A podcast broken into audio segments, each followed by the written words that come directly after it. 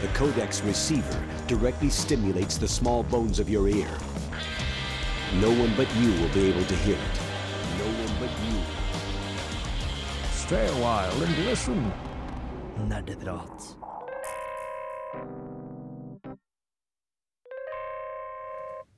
Hei sann, og velkommen til ukas episode av Nerdeprat, spillmagasinet eh, på Radio Revolt. Som da er studentradioen i Trondheim. Mitt navn er Anders. Jeg har med meg en god del faste folk i studio i dag. Eh, for eksempel til dømes så har jeg Torben bak eh, teknikerspakene. Hei, alle sammen. Og på Torbens Å gud, nå er jeg dårlig på himmelretninga og sånn. Eh, Men i hvert fall på sida av Torben så står Åse Maren. Hallo, alle sammen. I dag har jeg veldig streptokokker i halsen min, så jeg høres litt rar ut. Så hun sitter egentlig på et annet rom, men du hører ikke forskjellen. Og eh, den, eh, den litt sånn eh, eksotiske latteren og kødder, sånn, det er Andreas som er med meg. Hei, hei. Som alltid, som alltid. Og i tillegg dun, dun, dun. Vent, jeg har en lyd. Der, ja. Der kom den, vet du. Eh, Så har vi med oss to nye personer som kommer til å være fast i nerdeprat utover nå. Eh, Vi har med oss både Steinar Hallo. og Renate. Yo. De har veldig forskjellige stemmer, så det er veldig enkelt å høre hvem som er hvem. Kan vi få en hallo en gang til, bare så vi får Hei, hei. Det er Steinar, Yo. og det er Renate. Vi tror hun kan si andre ord enn yo. Men kanskje hun er en Pokémon. Ja, altså, vi, vi er ikke helt sikre på det ennå. Um, vi kommer til å få vite mer om både uh, Renate og Steinar litt senere ut i sendinga, men, men før den tid så tenkte jeg at uh, ja, altså vi, I første omgang så tenkte jeg at nå skal vi gå til nyhetene, men det stemmer jo ikke helt. For vi har jo faktisk spilt dataspill eller TV-spill eller mobilspill eller brettspill eller eh, annen type spill siden sist. Vi starter med deg, Torben. Hva har du spilt? Jeg har ikke spilt brettspill eller mobilspill eller konsollspill eller dataspill eller noen som helst siden sist. Å nei. OK. Du har bare ikke hatt noe moro siden sist. Men, Ingen, det ja. Ingenting. men Torben, da. Hva har du gjort siden sist? Litt Hold- sånn åpent spørsmål. Hva har du brukt tida di på den siste Jeg uka? holdt på å flytte, oh, ja. og så må jeg, gå litt, må jeg bruke litt tid på skole og sånt. Og så er Viuen vært pakka ned, og så ja. Har du et spill du kan trekke en parallell til når du tenker på å flytte og sånn? Nei. Nei. Tet- Tetris, kanskje? Kanskje Ting, putte ti stableting inn i en eh, kasse. Den var, det var et veldig dårlig forsøk fra min side til å få et spill inn i diskusjonen her. Men men hvis du spiller, tar det til Tetris, altså så betyr det at hvis du får det perfekt pakka, så forsvinner alt sammen. Det forsvinner jo for så vidt fra den gamle leiligheten. Ja, det gjør du. Ja, mm. Men eh, jeg vil anbefale kanskje å prøve eh, Transport Tycoon. Ja. Nei, vet du hva, jeg tror vi bare hopper videre til Åse. Har du spilt siden sist, Åse? Jeg vet ikke hva, jeg har for første gang prøvd meg på X-Wing, Oh. som er et brettspill. Det var Jeg tapte spektakulært. Mm. Eh, Jeg har ikke så mye annet å si om det enn det, for vi var hadde tatt i oss eh, alkoholiske stoffer i foranledninga. Jeg, håper, jeg håper det var etanol, og ikke noe annet. Åh, Kjemijokes. Mm. Men, men, eh, men eh,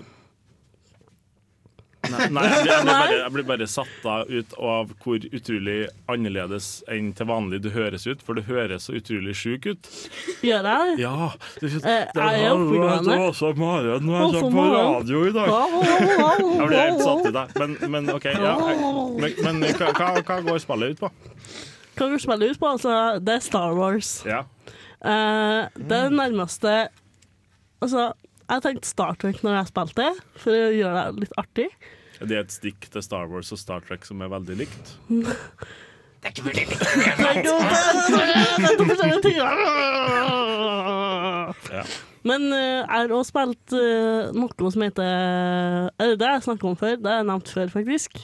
Uh, New Style Butikk 2. Jeg har uh, bestemt meg for å bli modell. Oh! Yes. Så jeg ruller catwalken i Bom, Bo. Beaumont. City. BAU Monde. Hvordan, eh, hvordan går modellkarrieren så langt? Den går helt strålende. Den her er jo et spill laga for liksom unger. Sånn top så jeg forventer notch. ikke noe annet. Nei, men, men du kjenner på mestringsfølelser for det, om? Ja, Så jeg kjenner mestringsfølelser for det. Fantastisk. Andreas, Ja, du lurer kanskje på hva jeg har spilt? det var det som var spørsmålet. Det var implisitt. Jeg spilte I helgen så spilte jeg Diablo 3 sammen med, med Steinar. Eh, han begynte å spille Jeg har jo allerede spilt det ganske mye. Liksom levela til level 70 og greier. Tenkte det var liksom en Wow, jeg har liksom kommet langt. Eh, svett, men så klart så ble uh, Steinar sånn power-levelet. Altså, vi hadde Hanna, som også er nerdeprat, og Jack, som er en venn av Hanna.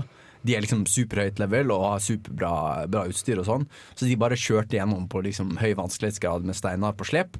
Og liksom bare Så var han liksom level 70, og på en måte eh, Du har også Etter du har blitt level 70, så kan du liksom få ekstra bonusleveler som heter Paragon level.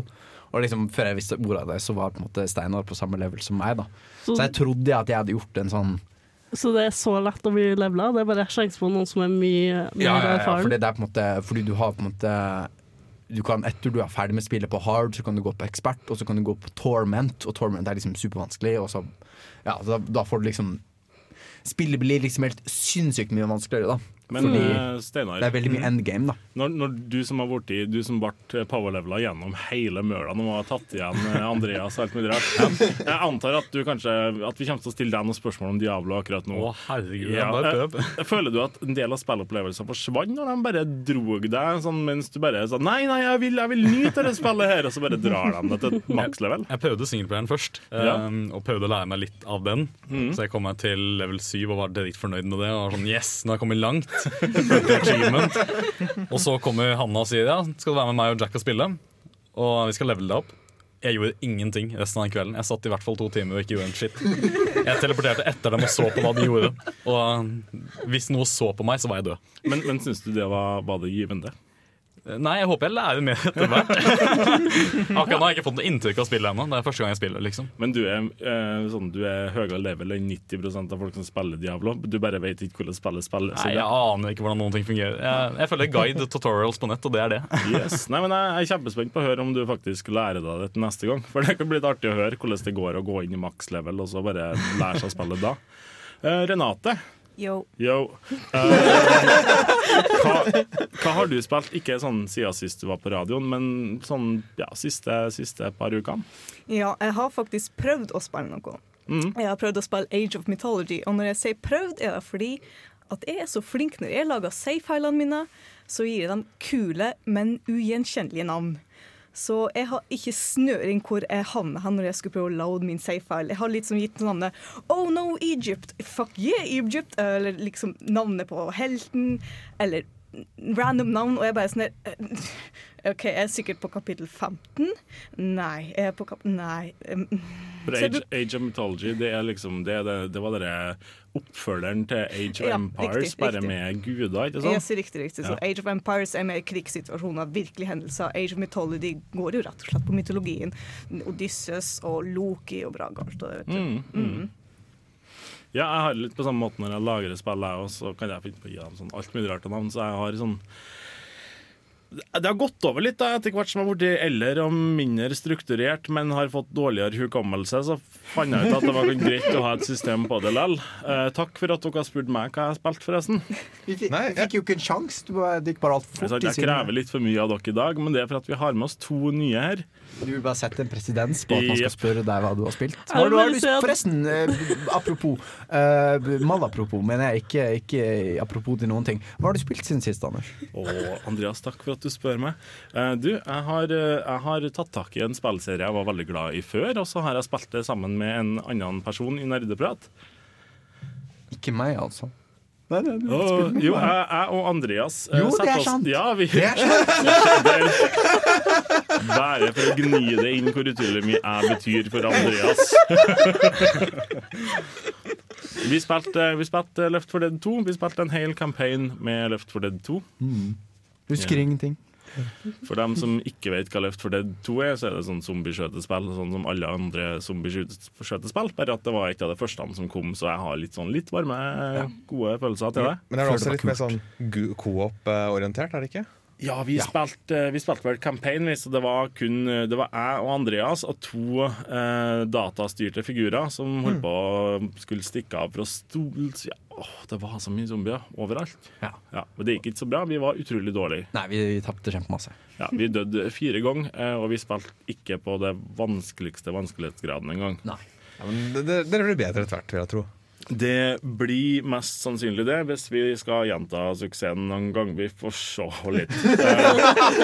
Du er litt mer tvilende etter at Nei, men jeg, eh, jeg, jeg, prøvde å kjøre Jeg prøvde å ta opp det, så jeg har sånn 90 minutter med at vi spiller Left 4 Dead liggende på dataen, som jeg kanskje kan vise fram til noen en eller annen gang når jeg Nei, vi skal ikke det. Nei, jeg skal bare si ja. Du, du, du, vil, du vil se det. det? Ja, ja. Pluss at jeg vil være med neste gang. Ja, men det, jeg, det kan tenkte, jeg tenkte slenge meg med, men så bestemte Steam seg for at nei, du skal få en download-speed på 90 KBS. Vær så god, Maren. Hater deg òg, Steam. Ja, nei, men når sånt skjer, eh, så er det greit å ha ting å, å um, hva skal jeg si, trøste seg med. Eh, Death by Unga Bunga har laga en, ting- en sang om noe man kan trøste seg med, og her får du Young Girls her på Radio Revolt.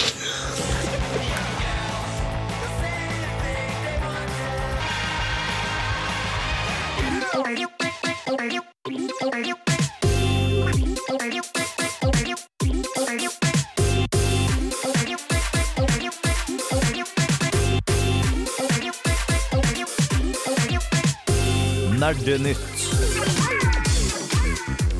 Ja, sjøl om vi har tatt opp nye her i Nerdeprat, så har ikke nyhetsbildet stått stille andre plasser i verden. Andreas, har du noen nyheter til oss? Ja.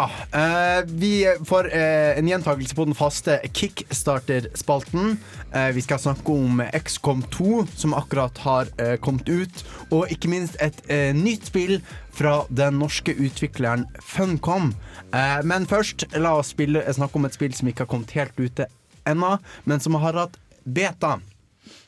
For det er snakk om Ubisofts uh, The Division, som har hatt beta-versjon nå, og mange spilljournalister i, rundt om i hele verden har fått mulighet til å spille det nye spillet som skal komme fra Ubisoft. Det, det er snakk om en litt sånn uh, skytespill med eh, MMO-RPG-elementer. Uh, og, og det er mange som er positive, men også litt eh, eh, skeptiske. Altså, Game.nos Espen Johansen sier det er, det er et spennende prosjekt, uh, men vi er ikke helt sikre på om vi gleder oss ennå. Uh, det er blitt sammenlignet mye med Destiny, fordi det blander MMO og, og skytespill. Men måte selv spillmekanikken er nok nærmere Gears of War enn et førstepersons skytespill. da Det her, det her spillet heter vel egentlig Tom Clancy's The Division, ikke det? Ja, jo, Ja. for det er jo sånn at Ubisoft de har liksom kjøpt Tom Clancy sitt navn, så de kan bare Unnskyld, takke det på Tom alt. Calancy. Er det Tom Kalansi? Clancy. Clancy. Nei da. Eh, men de, har, de, har få, eh, de har kjøpt navnene hans, så de har lov Klanki. Tom Klanki. er, det- er, dette referanser til ting jeg ikke kjenner til? Det Eller? er gikk en referanse før vi gjorde det til en referanse. Nå er det en referanse. Ja. I framtiden kan vi referere til dette øyeblikket og le, eh, men ikke akkurat nå. Nei, eh, så, så det har på en måte ikke noe med Tom Clancy å gjøre, men det viser jo en viss sånn assosiasjon. da De prøver å assosiere til spill som Rainbow Six, eh, og litt sånn eh, thriller. Eh, krigs, eh, krigstriller, sånn som Tom Clancy er kjent for. da For dette her er jo et spill jeg har gleda meg utrolig til Mm. jeg fant ut at det skulle komme. Eh, premisset er vel egentlig at at verden gikk til helvete under Black Friday, og så Jeg vet hva er det som egentlig, som har skjedd. Altså det, det er et virus som er blitt sluppet i hvert fall over, er over New York. da over- New York. Ja, Det er Ja. selvfølgelig New York, og det er selvfølgelig et kjempevirus. Og så det er en slags sånn postapokalyptisk setting. Eh, hvor du som spiller er en del av en sånn spesialskvadron som på en måte har vært undercover, og nå på en måte skal danne en motstandsbevegelse mot hva det nå er som, Også kalt som er der terrorcelle, egentlig, hvis du tenker på det. Hysj, de er hvite og de er amerikanere, så da er det ikke terrorcelle. Da er det motstandsgruppe. Ja, men er det, skal vi, er det meningen at vi skal vite hvem Tom eh, Clanky er? Clancy? Clancy. Clancy. En sånn, han er en kjent sånn forfatter av sånn krigsthriller-greier. Spion. Ja, han skrev da eh, den første Rainbow Six-boken, som da spillet Rainbow Six er basert på. Og så har det jo kommet mange nye spill i, i Rainbow Six-serien.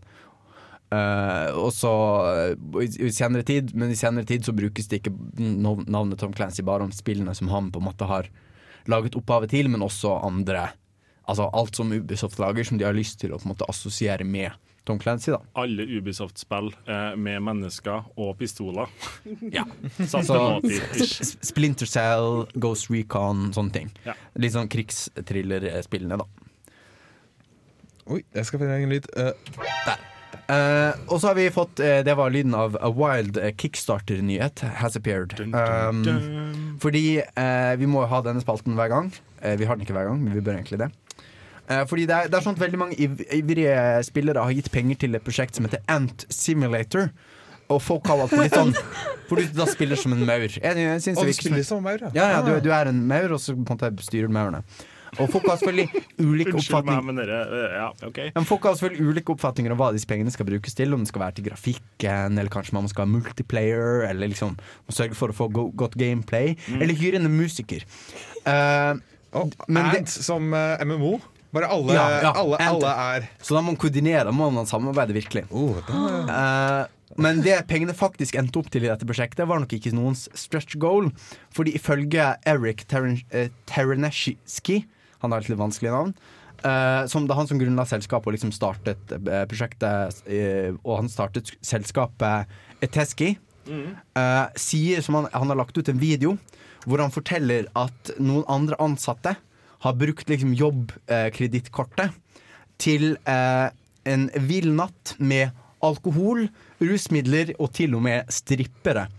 Eh, så nå er spillet faktisk avlyst. Fordi alle, alle pengene Alle pengene er blitt brukt til, eh, til strippere. Eh, ikke dette her er sagt om early access? nei, ja. Kanskje dette er Fordi du har forutsagt at dette blir året Early Access du er, Anders. Så det. kanskje dette er på en måte begynnelsen på slutten for Kickstarter og Early Access, når alle pengene brukes på, på uh, fest og moro. Men dette kan jo umulig være det eneste Kickstarter-prosjektet som har endt opp på denne måten. Nei, det er i hvert fall det vi har fått vite vanligvis så så er de jo litt mer subtile på det. De sier ikke at OK, vi brukte pengene på strippere og kokain. De er mer sånn Uh, Vi lager noen skisser her i, i Photoshop, og så presenterer vi dem. Og så leser vi som at vi jobber med det, men vi bruker egentlig pengene på kokain og strippere. Men det er litt artigere å si at du brukte pengene på det, enn at du brukte pengene på et spill om liksom Simant i 2016. Ja, fordi det er faktisk laget. SimAnt finnes jo faktisk. Ja, Eh, det er et de som- jævlig bra spill i tillegg. Så de som er virkelig skuffa over på en måte, at Ant Simulator eh, ikke kommer, så kan man spille Maxis sitt Simant fra 1991. Og det er sånn abandoned wear. Altså Det er på det ingen som krever rettighetene til det spillet lenger, for det er så gammelt. Så det kan du laste ned gratis på, på internett. Du må kanskje bruke noen sånn DOS-boks og noen tekniske finurligheter. Men vi kan, eh, vi kan eh, legge ved en eh, link til det spillet. Og så kan du lese mer på f.eks. pressfire.no. De har dekket eh, eh, denne saken. Tilbake til deg, Anders. Jo, takk for det. Nå er det jo sånn at den neste låta vi skal høre, der er det Spider-God uh, som stiller med tangentene og gitarene og alt det der. Låta de eh, spiller, den handler merkelig nok om hva man egentlig skal gjøre når man får penger til Early Access. Låta heter Best Kept Secrets, og du får uh, flere nyheter etter denne låta på Radio Revolt.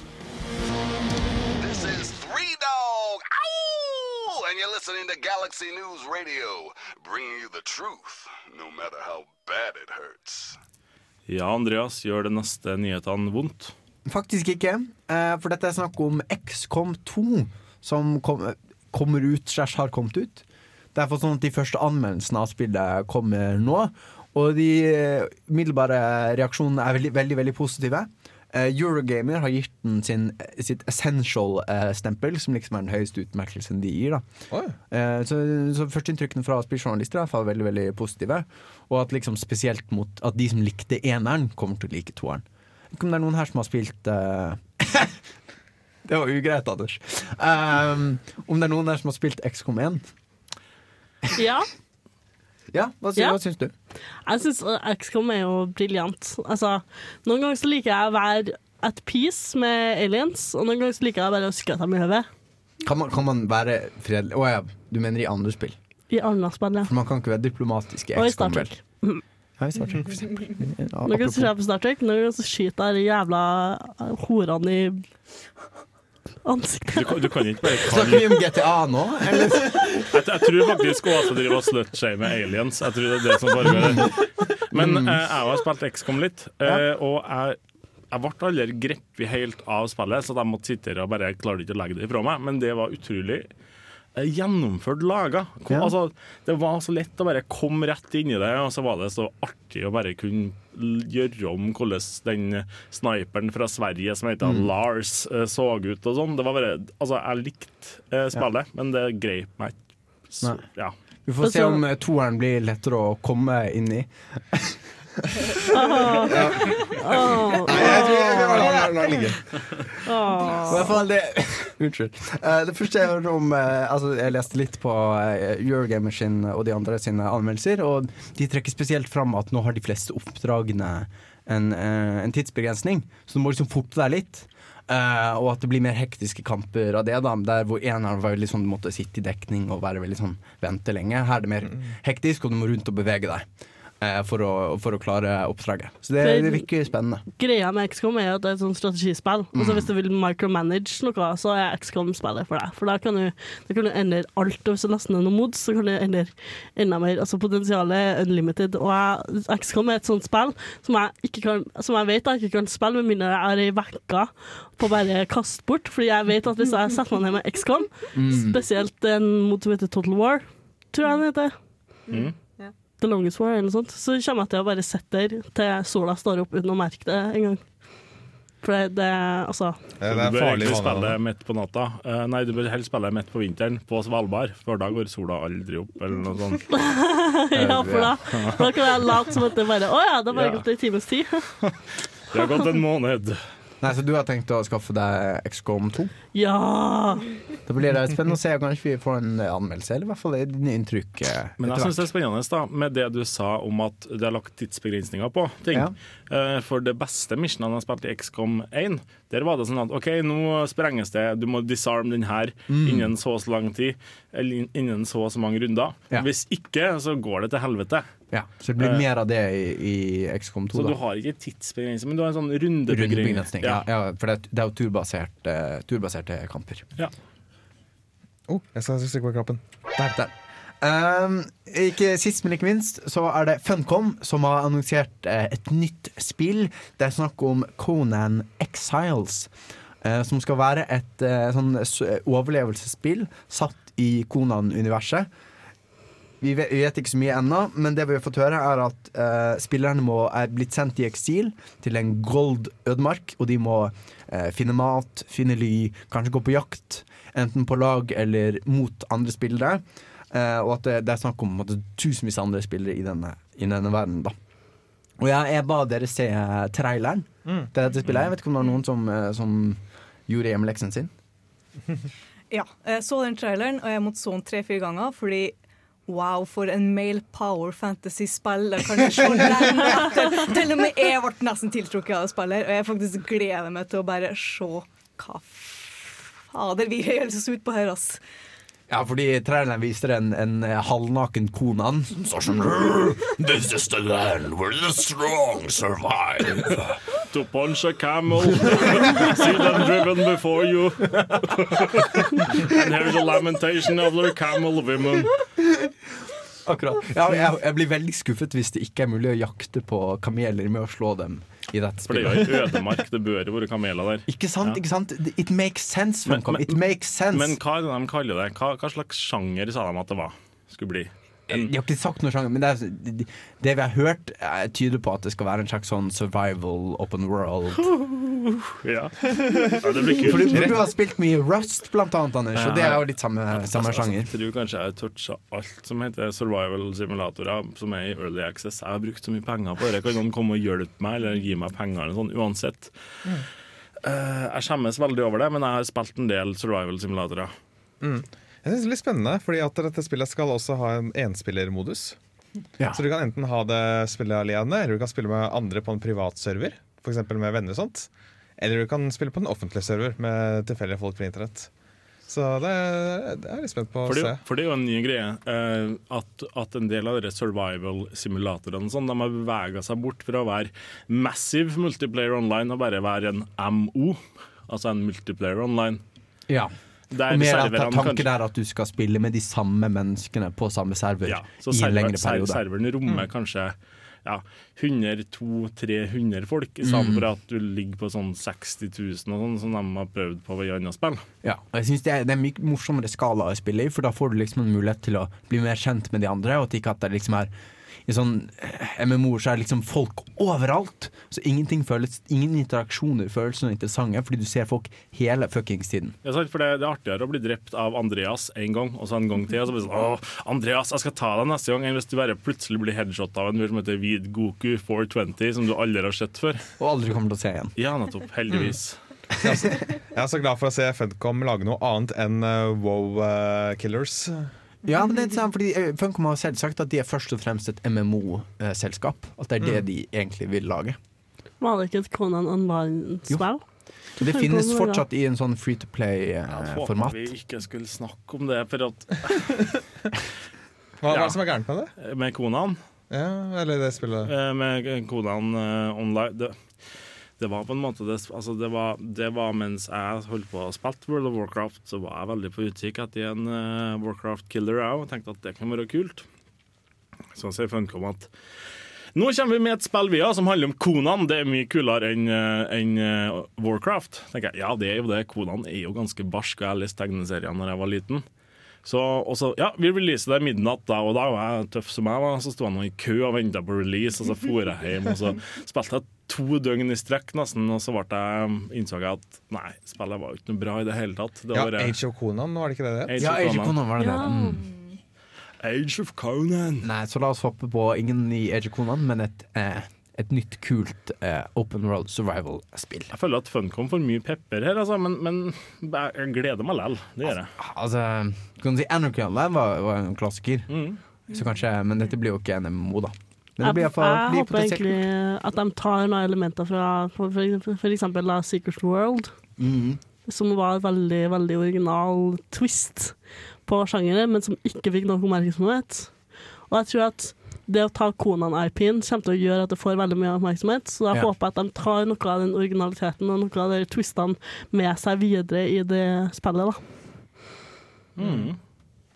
Det var det, det var det jeg hadde som eh, nyhetskorrespondent. Nei, men det var gode nyheter. Tilbake til studio. Det var gode nyheter, Andreas. Uh, Kanye West har eh, fått med seg Kendrick Lamar. Og de har laga en ny låt som heter 'No More Parties in LA'. Du får den nå her på Nerdeprat på Radio Revolt. Når innså du at du var en gamer? Dersom du kunne spilt kun et spill i et år Hva er det eldste spillet i backloggen din? Og du var på en øde øye i helvete mens du var 11 år gammel Hva har du lært fra spill som du har fått nyte av i hverdagen? Er det et spill som har hjulpet deg gjennom en tung periode av ditt liv? Hva er ukas spørsmål? Ja, da er vi tilbake etter over seks minutter med Kanye West, og jeg har gjort klart et spørsmål til dere, folkens. Er dere klar? Ja! Det var engasjementet jeg håpa på. Ja.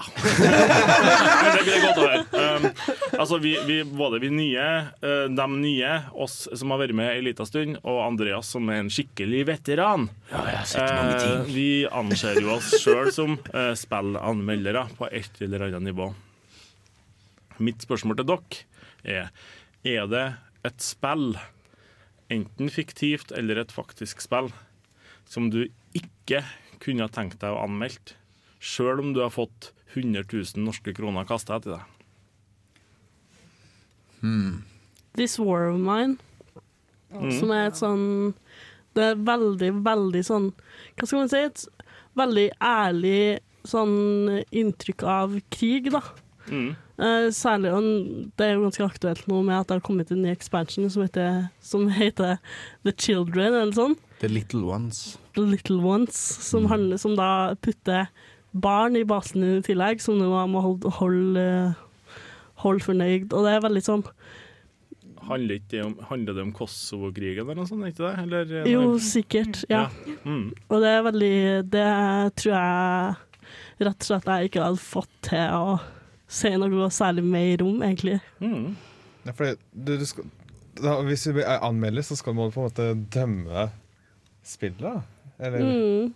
Man skal dømme på en måte Ja, hvordan var dette opplevelser for meg, og hvordan, var, hvordan funker dette? Hva er mekanikken, på en måte?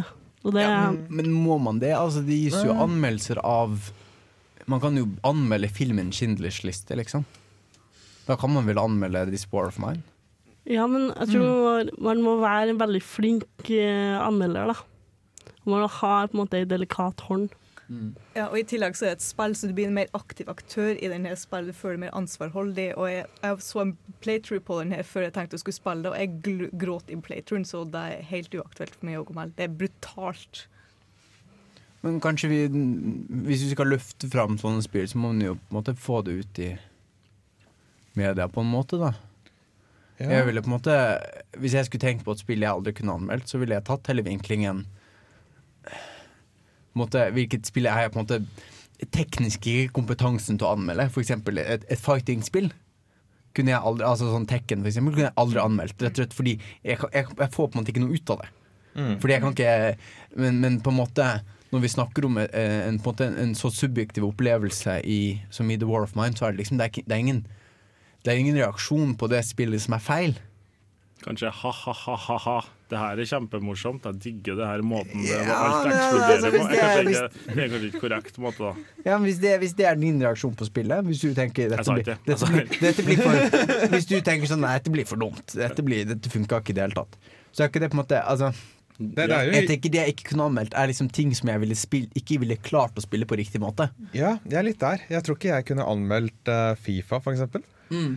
Eller uh, hva skal vi, hvilke andre eksempler? Jo, sånn skrekkspill. Sånn uh, type Amnesia eller den type. Men Tor- Torben, hvorfor kunne ikke du altså, jeg, jeg skjønner på en måte den fotball- fotballtilnærminga, på grunn av at der er det det er vanskelig å si f.eks. om det her spillet er, kan fungere greit å spille competitive, eller mot folk på samme som, som har spilt Fifa før og sånn, Mm. hvis du har spilt det før. Men når det kommer til skrekkspill jeg, jeg tenker at Du er jo perfekt til å teste eh, skrekkspill, eh, tenker jeg da. Ja, men, På grunn av at, på grunn av at eh, jeg tror, um, nå, nå tar jeg bare og gjette at du ikke har lyst til å spille fordi du er redd for at det skal være skummelt. eller sånn. Og, jeg er redd for at det skal være skummelt, ja, ja. og da tenker jeg det er jo perfekt at du prøver sånne ting. da. Ja, men eh, da blir det jo mer en anmeldelse av sjangeren skrekkspill også. At uh, jeg kan ikke vite hva som skiller dette skrekkspillet fra andre skrekkspill. Og jeg er ikke, det er ikke sikkert jeg kommer til å klare å spille mer enn fem minutter av spillet heller. Se for deg den anmeldelsen. Klarte bare å spille fem minutter. Ja, altså her blir jo litt, Skitbra! litt, litt av spørsmålet blir jo hvem er anmeldelsen for? Hvis Ja, du på en måte an, skal anmelde et skrekkspill for andre skrekkspillentusiaster, så har du klart at du må ha kompetansen til å sammenligne dette med andre spill innenfor sjangeren. og sånn. Så det er jo klart, da må du på en måte, Hvis du skal klare å treffe entusiastene, så må du være en entusiast selv på mange måter. Men hvis du, ja, det kan være liksom Dette er anmeldelsen av et skrekkspill for deg som ikke spiller et skrekkspill. Jeg kan, jeg kan jo kanskje jeg kan, Det går an å lage en anmeldelse hvor jeg ikke avslører hvilket spill det er, bare at det er et skrekkspill. Ah, Torben ja. anmelder et skrek- skrekkspill. Torben anmelder skrekkspill som konsept, for eksempel. Ja, det er en ganske fin. Men jeg ser at Steinar har bare sittet og og tenkt og tenkt og tenkt, så nesten har rista i hele rommet. Hva, har du gjort deg opp noen tanker om det nå? Jeg tror ikke jeg hadde klart å anmelde MMO-spill. Eh, rett og slett fordi at Jeg har ikke referanserammen til det. Jeg har ikke spilt World of Warcraft, jeg har ikke spilt Diablo. Det er første gang jeg har tatt de nå. Jeg vet ikke hvordan Det er Det er kanskje ikke det MMO, men det er et Ikke- ja, sånn type spill. Da, sånn klikkspill som ikke jeg har peiling på. Uh, LOL og sånne, type- sånne, alle sånne dataspill som er sånn klikkbasert, der du må teambilde og du må lage en bild, er ikke mitt type spill. Jeg har i hvert fall aldri prøvd det. Altså det, på en måte det kompetitive elementet? Ja, det ja, det er litt kompetitive elementet med det. Eh, Så jeg tror ikke jeg har kompetansen til det, eller den referanserammen til å anmelde slike typer spill. Så det blir jo litt sånn som det Andreas sier da i forhold til fighting-spill, at hvis du egentlig ikke vet hva du helt forventer, så klarer du heller ikke å si om det er competitive eller om det er dårlig balansert og sånn. Ja, og ikke bare på en måte hva jeg skal forvente, men hvis jeg bare mangler rent fundamentalt kompetansen til å spille spillet. Altså hvis jeg bare suger hardt Det blir som å sende en, eh, det blir som å sende en blind mann inn for å eh, anmelde et maleri. Akkurat. Ja. For å ta på maleriet. Jeg tviler på at folk i det hele tatt vil lese anmeldelsen, eller har noen, i hvert fall ikke noe nytte av anmeldelsen, annet ikke jeg aner hva jeg snakker om. Men, Med nå- mindre de vil le av det, da. Ja, Ja, ja fordi, det, det, fordi mange av disse anmeldelsene kan jo ha underholdningsverdi. Eh, altså eh, på måte, Det kan være morsomt altså, Torben sin anmeldelse av skrekkfilm, skrekkspill med litt sånn YouTube-bate hvor han skriker litt sånn som sånn. Altså, selv om det, det kan jo være morsomt, og det er på måte noe man har trukket mot Det er på måte anmeldelser som underholdningsverdi. Og det er, det er veldig morsomt, men ofte litt sånn Du får ikke, ofte ikke noe vedtukt ut av de anmeldelsene, men de kan også være veldig morsomt å lese eller se på. Så det, er det blir jo litt annet, Husk på nå, folkens, når dere tenker litt mer over det svarene dere har kommet med, at det er jo faktisk snakk om 100 000 i potten her òg. Det er sant. Altså, for 100, altså, for 100 000 kroner ville jeg anmeldt det meste. Rett og slett. Det Ja. Bortsett fra liksom faktisk krig. Ja. Enn du, Renate, er det noe du ikke ville ha gjort for 100 000 kroner når det kommer til å anmelde dataspill? Jeg har bare Nei. Er det penger involvert, så vil jeg gjøre både en og der. Nei da. Um, altså, jeg, gi meg penger, jeg gjør det ikke uansett. Men er det noe som ikke interesserer meg, så er det first person shooter-spill sånn som Battlefield, Call of Duty og sånt der. For det er sånn at jeg får ingenting ut av det. Artig å spille med kompiser sure, men det er liksom anmeldelser, sein mening.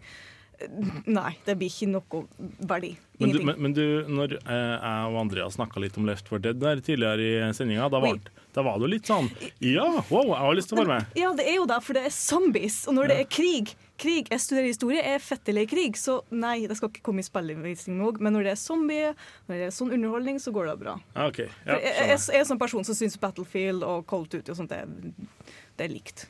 Skyt Mm. Altså, altså, mener du det er litt, sånn, litt ubehagelig rett og slett pga. settingen? Det Det du Nei, på? nei, nei, det er bare at det, det er kjedelig setting. Det er ikke zombier. That's it. Så, så det er bare um, Ja, det er skjøting av um, Ja, OK. Nei, jeg, Prøver du å forstå, Anders? Får det ikke til? Får det ikke til? jeg prøver å forstå. Get on my level. Ja, det er akkurat det jeg prøver på. Det virker som jeg er den eneste som tenker i det banene sånn at jeg, hvis, altså, penger, så kan man jo si ja, jeg hadde anmeldt hva som helst. Og jeg kunne sikkert kunne skrevet anmeldelse av This War of Mine, eller for eksempel That Dragon Cancer. Men det er sånn Ville jeg gjort det? Jeg hadde jo prøvd å liksom pitche et annet spill før jeg har gjort det. Det hadde vært veldig vanskelig for meg, uansett hvor mye penger jeg har fått, å anmelde sånne spill. Men kanskje nettopp derfor det er vesentlig. Altså, det er kanskje det som gjør deg til riktig person, da. Fordi det på en måte berører deg så sterkt i den typen spill. Ja, Så jeg har aldri vært i krig. Men eh, Så jeg kan på en måte Jeg kan ikke direkte identifisere meg med det som skjer i This War of Mine eller uh, That Dragon Cancer. Men du har heller aldri vært i verdensrommet, men du snakker om Star Trek Online for det. om. Nei, men altså, Star Trek er noe annet. Nei, men du skjønner, du skjønner hva jeg prøver altså, å si her nå? At man trenger ikke å ha en personlig uh, erfaring med noe for Nei, å nei, nei, men da. også det som er for eksempel i Star Trek, så st- er det en kommentar på det som skjer nå, som vi lever i nå, Mhm. den verdenssituasjonen som er nå, bare satt i et eller annet absurd sånn eh, setting, som for eksempel verdensrommet om Så du syns at. Star Trek er absurd? Det er en satt i en, på en måte en absurd setting, det er jo et utopisk Så, så, samfunn. så Star Trek er absurd? Kan jeg trekke det ut av det du sa nå? Nei. Ah, det var bare et forsøk. Men du kan si det Jeg føler ikke at din mening om This War of Mine blir uvesentlig fordi du ikke har vært i krig. For det er jo det som kanskje er det fantastiske med This War of Mine, er at det kan på en måte gi deg et grunnlag for empati Ja. med noen, selv om du ikke har vært i samme situasjon som dem. Det er jo det som gjør dette så Altså This War of Mine så viktig. Ja, og det er jo det som gjør det- This War of Mine så effektivt i tillegg. Mm. At, det, at vi ikke har opplevd det sjøl. Men jeg vil likevel si at jeg prøvde å pitche all annet spill enn This War of Mine og Dra Dra That Dragon Cancer før jeg hadde spilt eller anmeldt dem. Og gitt terningkast, liksom. Og, men du tenker ikke terningkast. For meg så høres ut Altså For meg så høres liksom åpningen Denne anmeldelsen er kjempevanskelig å skrive. Som, på en måte, som en veldig god begynnelse på en veldig god anmeldelse. Tenker jeg, da. Ja. Men enn med deg, Anders? Har du uh, noe spill du ikke kunne Oi, jeg er bare stressa med å finne på spørsmål til dere nå, så jeg har ikke tenkt så veldig mye på det. Um, oi, eh, vet du hva? Jeg har et forslag her nå. Jeg Ja. foreslår at vi hører på en låt, og så kan jeg besvare spørsmålet ditt etterpå, Torben. Høres det ut som det er greit, eller? Bare gi meg et ja eller en nei. Ja Takk, hvis ikke så har det blitt kjedelig radio Og sitter bare og høre på at jeg driver og klør meg sjøl i hodet, for jeg har egentlig ikke noe svar. Uh, sist gang vi hørte noe fra ei dame her, sånn, så drev hun og svingte seg i lysekrone i taket. Uh, nå er hun tilbake igjen og har, uh, har, fått med seg Canny til å produsere singelen 'Reaper'. Så her får du den nye låta til Sia på Nerdeprat.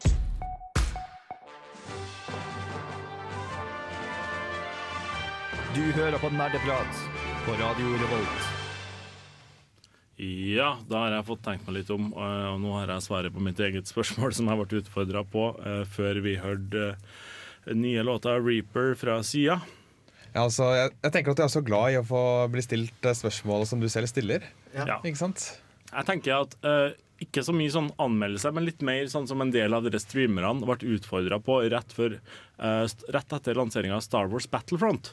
Der de var sånn Kan du spille dette spillet, les som at du liker det, og du får mye penger av oss hvis du gjør det. Så det er greit. Jeg kunne gjort det. Men altså, det- fake it till you make it, liksom. Det kan jeg jo få til. Men hvis det i tillegg har vært noen som har sittet og kikka på at jeg har streama, og så gått inn for å streamsnipe meg, altså at de går inn og bare følger etter meg der jeg er på mappen hele tida for å ødelegge for meg Sånn at jeg konstant dør hele tida, samtidig som jeg sitter og vet at jeg skal prøve å lese om at dette her er en artig spillopplevelse, selv om jeg dør hvert tiende sekund. Det har ikke jeg takla.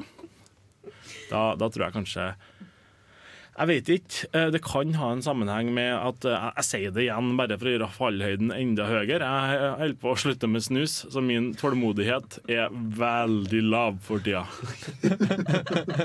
Slutt å flire! Sant? Eh, så Så det kan være det at det er med å farge hele greia. Men, men i hvert fall, ja. Dere, fikk dere Er dere fornøyd er, jeg er fornøyd. Da. Anders, jeg er fornøyd. Jeg, You may proceed. jeg derimot er ikke helt fornøyd før jeg har fått lært noe mer om Steinar og Renate. Eh, I første omgang skal vi starte med å grille Renate litt. Du har jo laga en liten lydsak om deg sjøl, der vi får måtte bli litt mer kjent med Renate, som starter med å si yo på lufta. Ja, jeg har prøvd å gjort med så presentabelt som mulig, så det blir spennende å se om dere får noe ut av det. Du, Jeg gleder meg veldig. Jeg tror vi bare setter i gang den, ja, så kan vi snakke litt om det etterpå. Oui.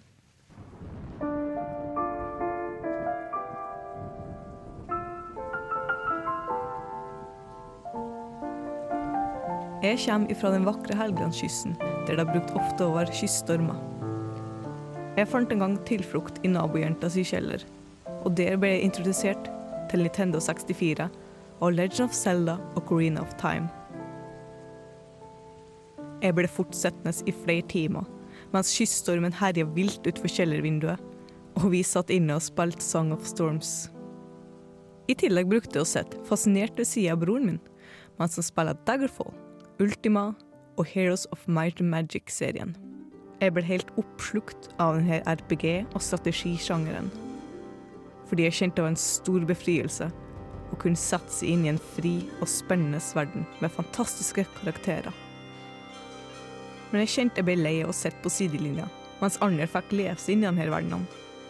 Etter mye trygling og løfter om å hjelpe deg i fjøset, fikk jeg endelig min første konsoll, nemlig en GameCube. Noen av de første spillene som ble spilt på den her, var Pokémon Stadium og Mario Kart Double Dash. Og flere vennskap er skapt og ødelagt pga. de her spillene. Men det viktigste er hvordan jeg fikk et dypt vennskap til GameCuben og min favoritt-Zelda-serie, Twilight Princess.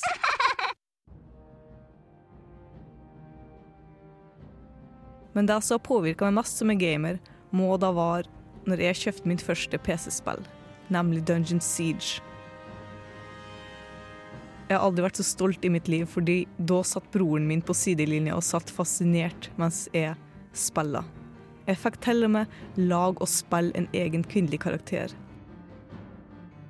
Spillmusikken fra det spillet her sitter dypt i hjerterota.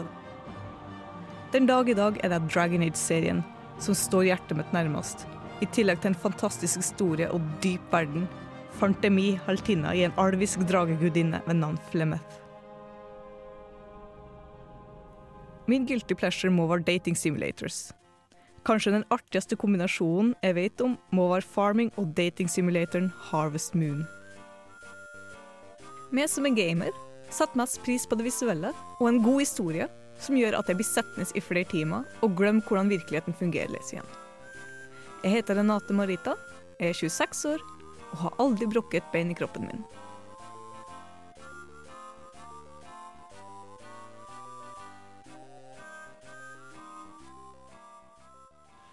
Du, du har aldri knekt et bein? Nei. Nei. Samme. Det var det du fikk ut av, av det hele den Jeg, saken? jeg, jeg, satt jo inne, jeg i ro hele tida. I'm saved. Liksom, no. Nei, men Det var viktig å få med seg slutten. Takk, jeg. Men, men um, det første, første jeg hørte som var bare sånn Dette kan jeg relatere til, det var Heroes of Might Magic 2. Oh, yeah. Eh, Hva er, hva er den kuleste faksjonen å spille i Heroes of Might Magic 2? Eh, enten Fortress eller den der dungeon med Altså det er Draga. Draga, drager uansett. Fordi i toeren så var det jo Nei, det stemmer. I treeren så var det to forskjellige drageslott. Men i Mm. toeren så var det uh, den der uh, dungeon der du hadde Black Dragons og Beholds, alt sånne der forskjellige ting. da. Var det, var det dem som hadde dem uten øyne, sånn troglodytes og sånn? da? Ja, det stemmer det. stemmer det. Men det var liksom Hver fortress har sin egen fantastiske monsters, creatures, titans og hele greia, og hver sin fantastiske musikk. Så det var bare sånn Nei, jeg velger hva jeg føler for i dag, egentlig. Mm, mm. Uh, hva var det jeg tenkte på? Jo, det var, det én ting til som bare slo meg. Du stiller vanskelige spørsmål, Anders. Det er ikke så lett for meg å svare på det. Nei. Uh, hva var det jeg tenkte på, Andreas? Uh, eh, fisk. Fiskemenn. Mm. Fiske... Nei? Nei? Mer, nei? Nei, vet Skal jeg- vil du at jeg skal på en måte ta- Hvis- Ja, Hvis du bare kan redde meg litt nå. Ja, okay. nå det helt Fordi, fordi du, du nevnte spillmusikk, og på en måte kanskje spesielt spillmusikken fra, fra Dungeon Siege.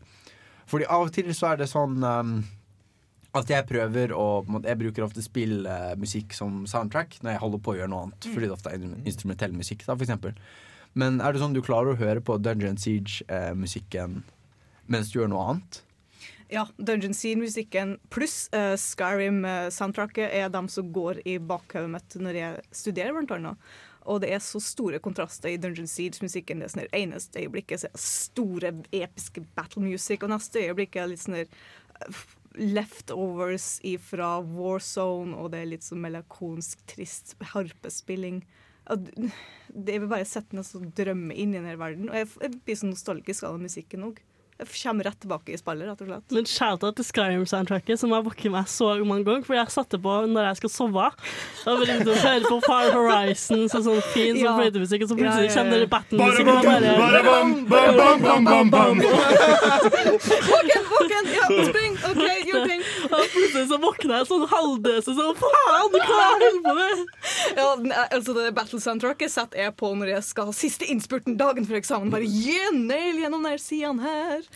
Grusomt. Men, men Renate, du sa at, at en stor, veldig viktig ting for deg det var når du fikk muligheten til å lage en kvinnelig karakter Ja, sjøl. ja. Er det sånn at det er veldig viktig for deg å kunne relatere til dem du spiller som? Ja, det er ikke essensielt, men det hjelper veldig mye på spilleopplevelsen. Mm. Og det er sånn som jeg faktisk ikke tenkt på før jeg spilte Dungeon Siege, for jeg spilte jo Zelda, jeg spilte Heroes, jeg spilte Mario, la de da veldig mye mannlige karakterer, og så fikk jeg den her muligheten. Du hadde jo alternativene. Female, male character, så jeg bare Hva, Konrad? Kon- Hva er det her? Det er kvinner på et spill? What? og det var kjempeartig. Og han bare, ja, go for it. Og det var det var, og hun var til og med altså Female main person var på coveret til spillet òg. Jeg mener, holy shit! Og det var fantastisk. Jeg digga det. Hvilket år var det her? 1998. Oi. I. Ja. Da var jeg to. Takk for at du får meg til å føle gammel, Steinar. For Det er ingen som føler seg mer gammel enn meg, uansett. Ta det helt med ro, alle sammen. Eh, Du sa du òg at du har en del vennskap som blitt både starta og avslutta av bl.a. Mario Kart. Oh, yes. Har vi en grunn til å være altså Nå antar jeg automatisk at jeg er flinkere enn deg i Mario Kart. Eh, bør jeg være bekymra? Ja. Ok. Eh, eh, fordi jeg og venninna mi satt og spilte Mario Kart, og det ble litt, sånn, lang- eh, litt kjedelig alt det er banka uansett, så vi endte opp med at ja, hva om vi spiller Mario Kart mens vi ligger opp ned og spiller? vent litt, Når du sier 'banka hun', betenker du da på at du slo hun i spillet? Ja, som slo i spillet. Når Ja, okay. hun vinner, så tok jeg kontrollen og banka meg, for jeg er veldig dårlig taper. For, for, så jeg tror i grunnen du kan være bekymret uansett om du vinner eller ikke, Anders. Altså uansett, You cannot win. Ja, nei. Ja, for jeg tror kanskje at det, Jeg ser på meg at du er både en då, altså dårlige tapere og som oftest dårlige vinnere. Er Ja. du en dårlig vinner òg? Ja, men Da gleder jeg meg å, å, til å vinne over deg i Mario Kart. Da. Det, ja, dere har eh, valget, dere har livet eller æren, for dere kommer til å miste meg som venn hvis dere vinner med. Altså, det er no, no, no. Mhm. Men hva jeg skulle si? Jo, altså vi ender opp med at vi satt uh, opp ned på seng, nei, lå opp ned i senga og spilte Mario Kart mm. mens vi så skjermen opp ned. Det var, det var litt morsomt. Vi må prøve det en gang. Aner jeg Mario Kart-turnering i Nerdprat nå? Jeg tror det ligger til rette. Alt ligger til rette for Eh, det. Kan vi avtale dag, sånn at jeg kan være borte? Eller dette andre Ja, samme! Hei, det er Andreas som ringer. Jeg er litt sjuk. Jeg tror ikke jeg får til å være med på turneringa. Det er veldig bra, Andreas. Etterlig. Takk, takk, takk. Men, men du har òg Vi ba deg jo om å ta med deg en låt eh, Ja. når du kom hit. Stemmer da. Jeg skulle også snakke om det mer i presentasjonen min, for annet viktig spill var Mirror's Edge. Mhm. Og igjen, musikken, soundtracket, holy shit, det er så fantastisk. Så jeg har med Mirror's Edge-teamet Still Alive.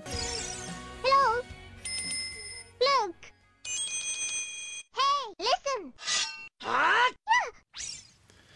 Ja, eh, med oss i studio har vi altså Renate, som vi fikk vite litt mer om i stad. Og i tillegg så har vi Steinar, som ikke engang var planlagt da OL på Lillehammer eh, foregikk. Stemmer ikke det? Var ikke det. 96. Så. 96. Ja. Og det er ingenting, ingenting galt med det, bortsett fra at du får noen av oss i studio til å føle oss litt sånn ehm, Hva er ordet jeg leter etter, egentlig? Gammel. Ja. Ancient.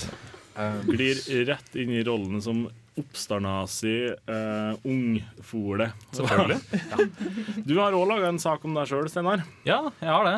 Hva, hva, er det du, hva er det du prøver å fortelle? Hva, hva er det du eh, Jeg prøver på kortest mulig tid åpenbart å fortelle om meg selv. Men du, Jeg tror vi bare hører på den, ja, og så tar vi og griller deg og etterpå. Går det greit for deg, eller? Ja, ja, kjør på. Supert. Hei, jeg heter Stein Ottesen. Jeg er 19 år gammel og er ny i radioprogrammet Nerdprat. Mine beste spillminner er fra da jeg var fire, og ett fra da jeg var tolv. ene da jeg var fire, var at min far kom med en Nintendo 64 til meg i bursdagsgave. Det var første gang jeg tok en spillkonsoll. Mens det andre minnet mitt det er fra meg og min far som spiller gjennom The Legend of Zelda Wind Waker, og jeg blir introdusert for Zelda. I 2016 så gleder jeg meg masse til at Hitman, Star Fox Zero og Twilight Princess i HD kommer ut. Min guilt pleasure er at jeg elsker å være han som fucker opp alt for andre som spiller FPS-spill. Og min fun fact må være at jeg har drevet mye med flammeblåsing. Jeg har drevet med det i fire år nå. Ja, Førsteinntrykket mitt av Steinar er at jeg ikke skal spille Left for Dead 2 med han. For, eh, ja, føler du deg trygg, Andreas, når du hører måten han snakker om eh, måten han tenker å spille FPS på? Ja, og jeg vet ikke om han er så eh, bra med Molotov-plasseringen. oh, hvis han er pyroman, ikke sant? Ja. Men jeg vet ikke om Molotov ender opp på fienden eller på oss. Det er jeg litt mindre sikker på. Eh, når jeg, men eh, jeg får i hvert fall forhåpninger til at du er effektiv, da. Fordi her var det Ja. Du sløser ikke med tiden, i hvert fall. Det er. Så alle zombiene går ned bare pap, pap, pap, pap, veldig fort. Ja. Går bare rett gjennom levelet. Ja, jeg synes Beste oppfinnelsen med FS-spill er C4. Det er supergøy å kødde, og velplassert C4 er noe av det beste som fins. Ja, li- liker du sånne eksplosjoner og, og sånn i spill? Jeg er jo pyro, Ja, så jeg driver med flammeblåsing og flammesluking og litt sånne type ting. Så jeg Men- digger jo alt men som sier pang og Når, brenner. når ting eksploderer, kikker du på det, eller ser du bort ifra det? Jeg, ser, jeg må se, jeg må se, og jeg må studere det. Må men, føler, men et uttrykk sier jo at 'cool guys don't look at explosions'. Vil du Cooler guys cool? study the explosions. Ja, og det er sånn det Altså er. Forlater du eksplosjonen, så har du gått glipp av det du nettopp har gjort. Kanskje Jeg er sikker på at kanskje han har med seg et speil, sånn at han kan gå vekk fra eksplosjonen, men se på den likevel. Ja, for Hvis du har på deg solbriller, sant, så Ja, akkurat sånn idet du tar på deg solbrillene, idet det eksploderer bak deg, så får du med deg refleksjon av det, samtidig som at du ser jævla kul ut. Det er trikset. Ja. Enn at vi fant ut det her nå, direkte på Radio Revolt. Fantastisk. Men, men du var en sånn Nintendo-nerd da, tydeligvis. Ja, det, er. Ja. det var det første jeg tok i, og det er vel det jeg tok i det lengste òg. Jeg begynte jo med 64-en, eh, Mhm. som min far kom til meg da jeg var fire. Eh, grønn, gjennomsiktig, fin faenskap. Eh, Oi, ja, den var, Den ja. var fin. Ja, jeg solgte den for 200 kroner på et marked som eh, kid. Jævla idiot. Jeg kjøpte tilbake igjen da, nå, så det er jo digg. Samme Nintendo 64-konsoll? Nei, dessverre. Jeg fikk, fikk ikke tak i den innvandrerkvinnen som kjøpte den for meg. Eller kjøpte den av meg. Men du sa det var det første du tok i? Det er første spillkonsollen jeg tok i. Jeg var fire år gammel. Du må, du må, du passe deg for Åse, for hun kan finne på å vri ting du sier. Så jeg er veldig glad du spesifiserte at det var den første spillkonsollen du tok i. Ja. Jeg- det er veldig bra at du skjønte det med en gang. Nå så jeg for meg at du liksom hadde kommet ut av mors liv, og så tar du bare en Havnet på Nintendo Nintendo 64. 64. Ja, det er litt sånn Severin Suveren motsatt uh, Nei. Uh, nordmenn blir født med ski på beina, men uh, Steinar ble født med en Nintendo 64 i Han ble født med Rumble Pack. Hva slags eh, Jeg hørte på at det var, Eller i innslaget, men hva slags spill var det du likte igjen? Sånn, Hva på? hva, hva, er det, hva er det du liker å spille? Ja, jeg liker det meste, egentlig. Men som sagt, jeg er jo Nintendo-fan, så det er jo standard sånn Pokémon, Zelda, Mario, Pikmin, uh, ja, Kirby Mm. osv.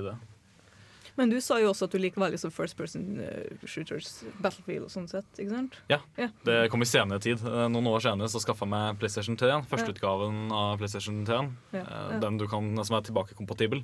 Ah, Da- ja, ja, nice. det er veldig digg. Jeg herpa den. Jeg kjøpte en ny en etterpå. Jeg klarte å smelte den når jeg skulle spille Assassin's Creed og hadde den inni et metallskap. Oi. Så ja, hovedkortet er det. Hva, hva, var det, var det, men var det, var, det da, var det da fascinasjonen for pyro kom? Nei! Den kom under konfirmasjonen. Men eh, jeg bare, eh, fun fact, vet dere hvordan de fikk til PlayStation 2 tilbakekompabilitet i PlayStation 3? Nei, jeg tror ikke jeg vet. Ganske enkelt. De stappa en PlayStation 2 Nå inni PlayStation 3. Så du har en fullverdig PlayStation 2 inni den tidligere utgaven av PlayStation 3. Kanskje derfor den er så feit. Men, eh, men det er faktisk altså, Det er ikke liksom noe emulering eller noen ting. Det er bare komponentene der inni. Mm. Til så er det enkle det beste. Så når jeg sier at jeg elsker å være han som fucker opp under FPS-spill, så er det hovedsakelig Battlefield jeg tenker på. da. Det er der jeg har det mest gøy. Men altså fuck opp for de andre, eller fuck opp for ditt eget lag? Et fett hvem det er. Det er går, jeg lei, går jeg lei av objektet, så fucker jeg opp. Men er det sånn at du blir glad når du får sinte folk som roper etter deg på voice chat? det er det beste som finnes. Åh, det er lykke. Det er kun FS-spill. da Jeg er jævlig seriøs på andre ting, men FS-spill som ja, hovedsakelig Battlefield Jeg kan ikke si det er veldig mange andre FPS-spill jeg spiller, så er det der jeg liker å fucke opp. Men du, du er også troll, Anders. Så jeg vet ikke om dette Er dette en match made in heaven, eller liksom en, en krig starting, uh, waiting to happen? Om jeg ikke visste mer, er- så kunne kanskje Steinar vært sønnen min, tenker jeg. Ja, kanskje. Ja, kanskje. Hvor, uh, altså, hvor gammel var du, Steinar? Jeg er 19. Og hvor gammel er du, Anders? Jeg er ikke 19. Nei. Hva vil si Um, beste alder, si? Ja. Ja. Så det er fysisk mulig, med andre ord. Nei, så vidt. Nei. Blir 20 i mars, da. Blir jeg 30 i april, da. ja, men men du, du spiller FPS-spill på konsoll? Ja, jeg gjør Hva faen er det som er galt med deg, mann? Jeg, jeg har aldri satt meg Jeg har prøvd, jeg prøvd å gå over til PC på, når det gjelder FPS-spill, men jeg er ikke noe god i det. Jeg Altså, har beklager at jeg avbryter her nå, men er det for at du syns det er veldig greit å bli holdt i handa med auto-aim?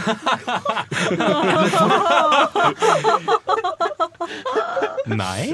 Men, men faktum er at faktisk på konsoll så er de andre mye dårligere. Ja, og det er de er faktisk veldig gøy. Bare- Altså, fordi jeg vil si altså, Jeg har spilt mer PC enn konsoll, men på en måte hvis jeg, jeg fikk jo eh, Battle, Jeg har kjøpt Battlefront til PC, til PCL. Og så fikk jeg Battlefront til PlayStation 4, som er stående hjemme i Bergen. Mm. Og på en måte når jeg spilte på, på PlayStation, så var jeg på en måte konsekvent nær toppen. Sånn, det er Førsteplass, andreplass, tredjeplass eh, på score. Mens på PC så er jeg bare midt på. Og det er jo ikke det at jeg er så veldig mye bedre på konsoll, det er bare at alle andre er så utrolig mye dårligere. Så det er noe i det. Anders. Så, så, så konsoll er egentlig det, det er sånn folk som er dårlig, spiller på konsoll. Nå, nå er jeg litt i samme nivå som der Åse var i stad, når du satt der og hengte opp et bilde av lord Gaben og bare sånn eh, PC Master Race. Fullstendig uironisk, sjølsagt. Men, men altså, det er ikke det at jeg ikke spiller skytespill eller sånn på PC, men Mm. da har jeg en kontroll i hånda som jeg kobler til et vesen. Liksom. Jeg sitter ikke med datamusa. Dessverre. Men det er rett og slett fordi det er noe jeg er vant til. Jeg vil ha forberedt at programlederen skal ikke mobbe, men konvertere og veilede. Så bare det er sagt. Ja, ja, og, og, og mikrofonene er veldig dyre, så ikke spy på dem. Er du snill. Okay, jeg skal bare gnire av her nå litt sånn. Der er vi tilbake igjen. Ja. Mm. Nei, men eh, det er godt å bli kjent med dere. Og det var det du hørte fra meg. Ja. Ja, nei da. Eh, Men, eh, men Steinar, du- du òg fikk jo ei utfordring her om å komme med ei låt. Ja. Eh, Kom med en av mine favorittlåter fra Xenoblade Chronicles. Crisis heter den. Mm, nei, men vi skal høre på den. Og etter, etter her nå, så har jeg gjort klar en quiz til dere. Der vi skal finne ut hvem av de to nye er den smarteste, beste, kuleste og alt sammen. Vi var, først her får vi ja, alt. Hvem er det som er alt av den nye? Vi får Ace Plus uh, med Crisis fra Xenoblade Chronicles. Du lytter til Nerdeprat fra Radio Revolt. You're listening to Nerd Talk from Radio Revolt. Ja, da avslutta vi eh, Steinar med, Avslutta Steinar. Vi avslutta Steinar. Nei da, Steinar er. Steinar fortsatt med oss i studio, han. Uh, og vi får se om han fortsetter å være her etter at vi er ferdig med denne spillquizen som jeg har laga, for å finne ut om hvem av de nye er den smartesten, den kulesten, den flinkesten. Uh, minst sannsynlig å bli basa i snøen etter sending, osv., osv. Med, altså, nå, nå har vi, Det er ikke ofte at vi har muligheten her, men jeg har bestemt nå at vi skal ha litt sånn eh, at både Renate og Steinar skal ha med seg en hjelper hver. Og siden det aldri har vært muligheten til å gjøre det før, så vil jeg si at nå er det guttene mot jentene! Hey! Veldig, greit veldig modent av deg, Anders. Takk. Eh, Så Steinar har med seg Andreas, og Renate har med seg også Maren. Er dere fornøyd med lagene, eh, Steinar og Renate? Ja, jeg er fornøyd. Jeg vet ikke om han er like fornøyd, men Nei, jo da. Jo da. OK, bra. Greia nå er at, eh, at jeg kommer til å stille spørsmålene, og noen av dem er ganske enkle, noen av dem er veldig vanskelig. Eh, greia her nå er at eh, dere får litt grann tenkepause først, og så skal dere svare etter hverandre. Altså, dere, skal- Det er ikke førstemann å komme med svaret, så det kan hende at ene laget spoiler svaret for det andre, men enkelte av spørsmålene vet jeg at det er litt sånn at det kan være veldig mange forskjellige muligheter her.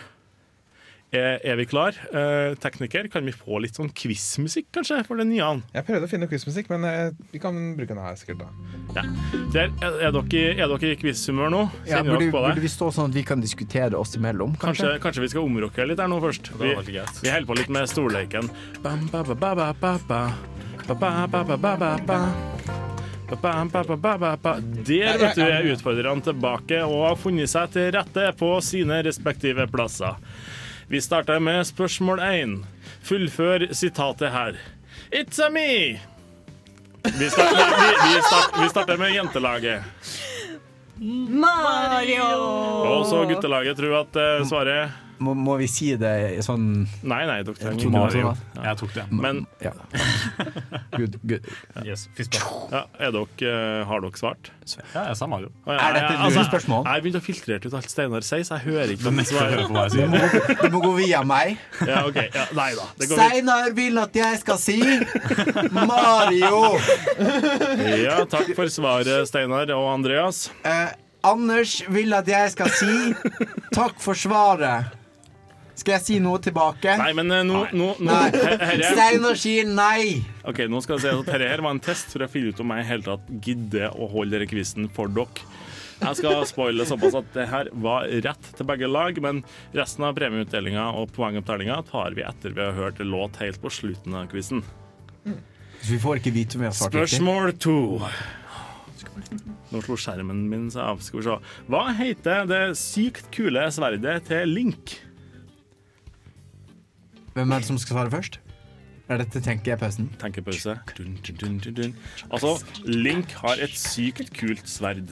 Hva heter det sykt kule sverdet til Link? Altså, det beste hadde vært hvis måte, vi kunne snakke sammen, og de ikke kunne høre hva vi sier. Kan, kanskje kunne vi tatt av oss eh, hodetelefonene, Det kan dere da og så kan vi snakke sammen liksom i nærheten av mikrofonen, og så kan ikke de høre hva vi sier? Ja, er det, ja. er det, Ja, Renate og Åse, kan dere bevege dere litt bort fra øretelefonene du har på deg, Renate? sånn, ja. Takk. Så. Eh, Jeg vet ikke hvor godt dette blir, men OK. Vi prøver det. vi Vi prøver gjøre det. teleradio på gu- Radio Revolt. Ok, Guttene, guttelaget, eh, de som står her og snakker sammen nå, kanskje vi klarer å lytte litt til hva de har å si, Torben? Torben? De, vi står jo veldig Ja, de Vi må liksom hviske sånn, OK. Det er det Er ikke det, det. det er du som har spilt mest Selda her. Men eh, ja, det er det mest mm, Det var det jeg trodde. Selda jeg har spilt. Er svaret avgitt, guttegruppa? Ja.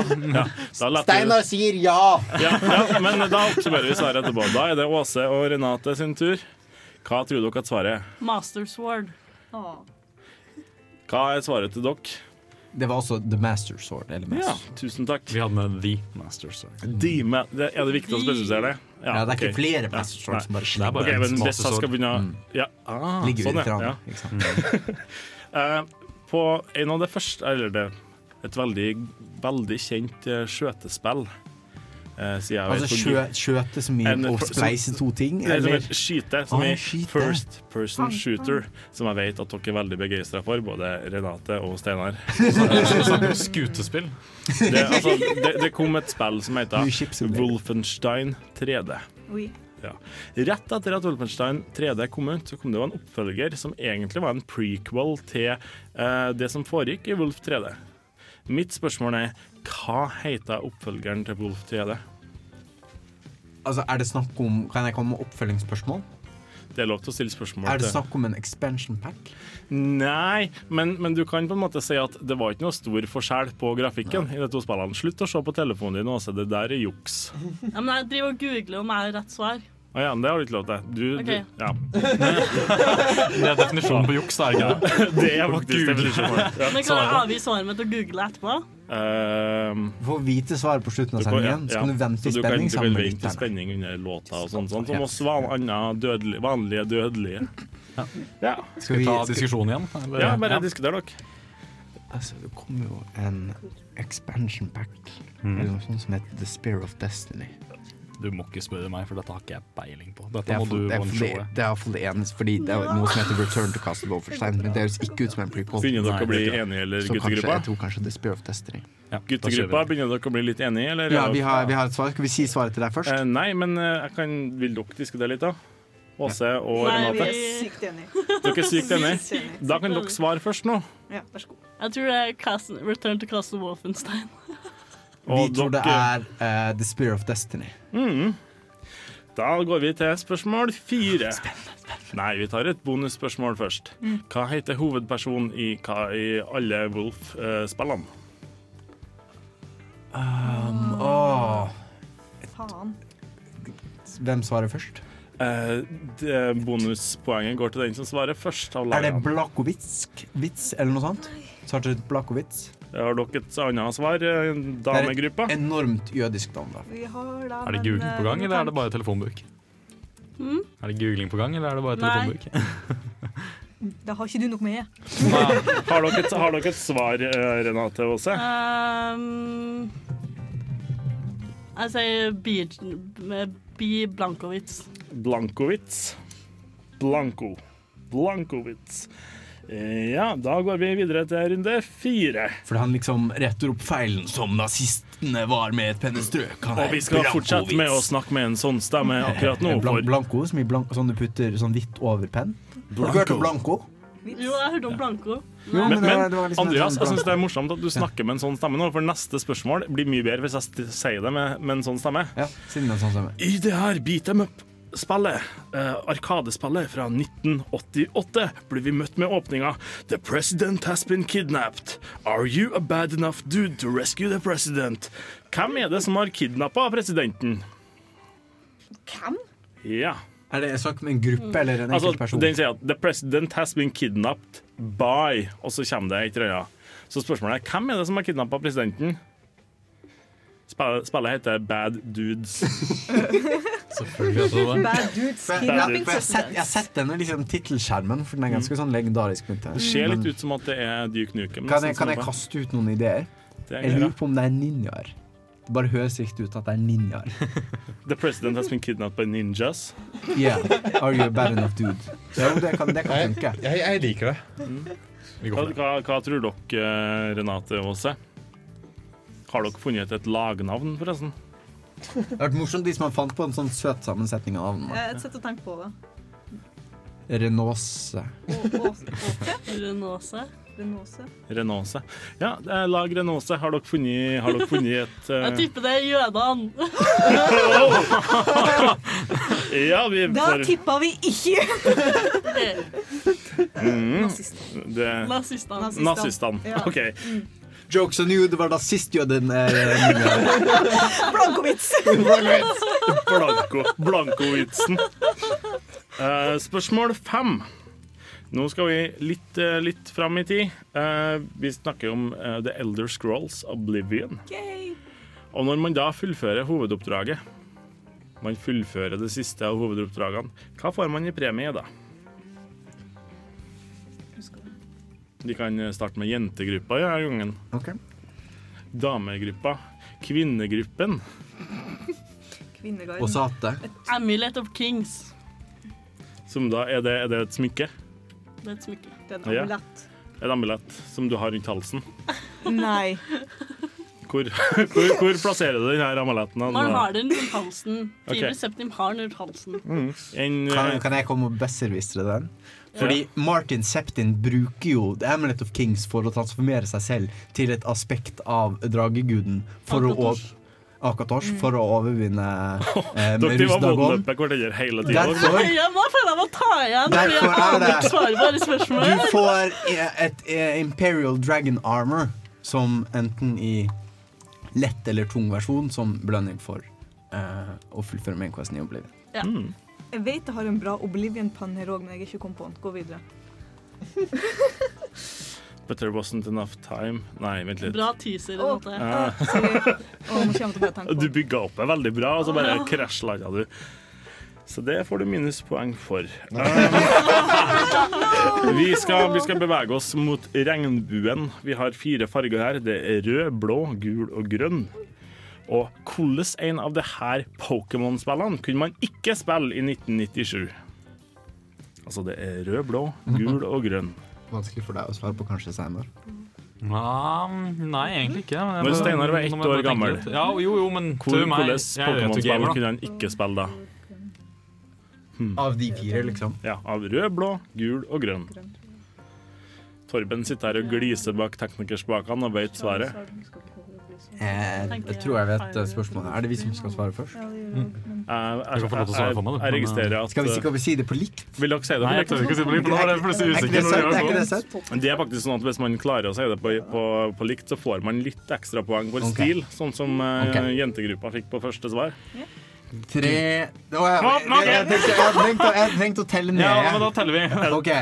Tre, to, én Grønn! Ja, jentegruppa, har dere en eh, Vi svarer også grønn. Vi svarer grønn. grønn? Ja.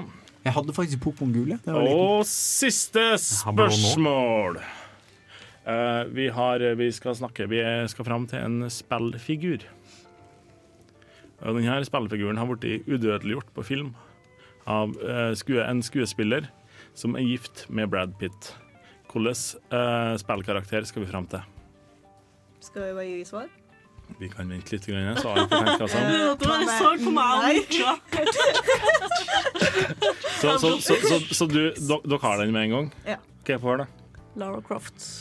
Da, Ja, Lara Croft. Lara Croft. Raider.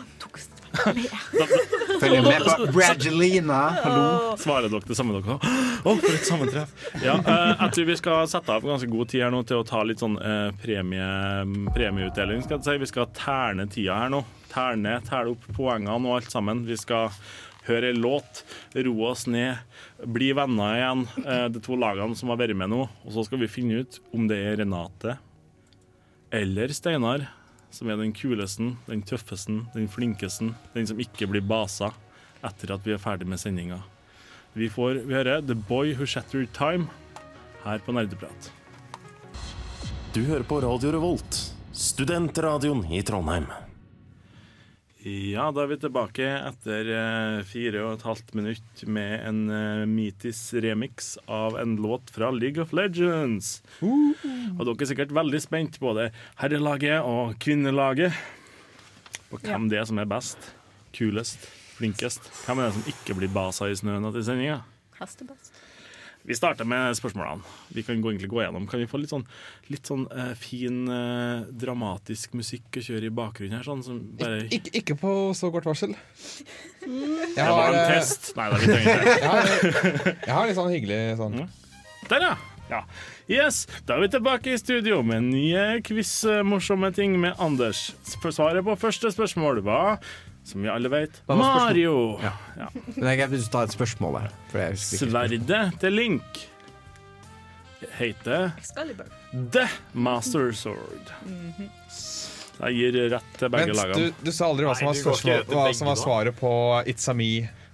Jo, jeg sa eh, svaret er Mario. Ah. Men jeg, jeg gir òg litt, litt pluss eh, til Renate og Åse, på grunn av at de sa det samtidig. Eh, det Wolf, Wolf 3D-spillet jeg var ute etter, uh, det var Spare Spear of Destiny. Og han heter Blaskovic. Ja, det var nesten, da. Det var I, eh, nesten. Ja, nesten. Eh, Det fulle navnet på, på spillet, Arkadespillet fra 1988, der du skal redde presidenten, heter så mye som Bad Dudes versus Ninjas. Og, og der åpninga er da en sånn bilde av en sånn fyr som ligner litt på Duke Nukem, og så står det The president has been kidnapped by ninjas. Are you a bad enough dude to rescue the president? Ja. Ja, det er start. Eh, på Det, spørsmålet om det er vårt lagnavn, forresten. The Bad Dudes. The Bad Dudes. Yeah. Men altså, det er snakk om bad ass, sant? ikke elendig. Men, Nei, nei, nei, nei, nei. ja, rad, liksom. Ja, altså I like the Hva heter det? Og den er um, Ja, I like the master The glow. I, it's so bad. uh, I Elder Scrolls Oblivion Hvis du har fullført spillet der sånn Er det noen av dere som har fullført spillet forresten? Jeg, jeg fullførte det på Xbox for å få achievements. Ja. Mm. Fy faen. Det er på det nivået. Det er det det er trist. Det er trist. Ja, er ganske, Eh, det er ganske trist mann. Greia er at når du, når du fullfører hovedoppdraget, siste hovedoppdraget, så får du en ganske kul rustning. En, et fullt sett. Men ikke noe hesterustning. Ikke hesterustning. Nei, det, det må du betale for. Ja. Det er, altså, det er åpenbart, Du kan ikke bare forvente deg å få hesterustning. Altså. Det var en solid vits vi fikk der. Åh. Vi kunne jo sagt noe Metal Gear Nei. Ja. Den er, nei. Ja, greit. Neste spørsmål. Um, Pokémon gul, eller Pokémon yellow, kom ut i 1998. Oi. Alle okay. andre kom før. Så faktisk grønn var ute i Norge? Grønn. Fordi alle jeg kjente, hadde liksom rød eller blå. grønn var ikke ute i Norge. Men den var ute i verden. Nei, nei, nei. Grønn var ute, kom ut i Japan. Det var først eh, grønn og rød som kom ut. Og så tok de og laga forbedra versjon i Japan. Den, het, den er kjent som Pokémon Blue. Og det er derfor du har eh, den Når de remaka disse spillene, så var det Fire Red og Leaf Green.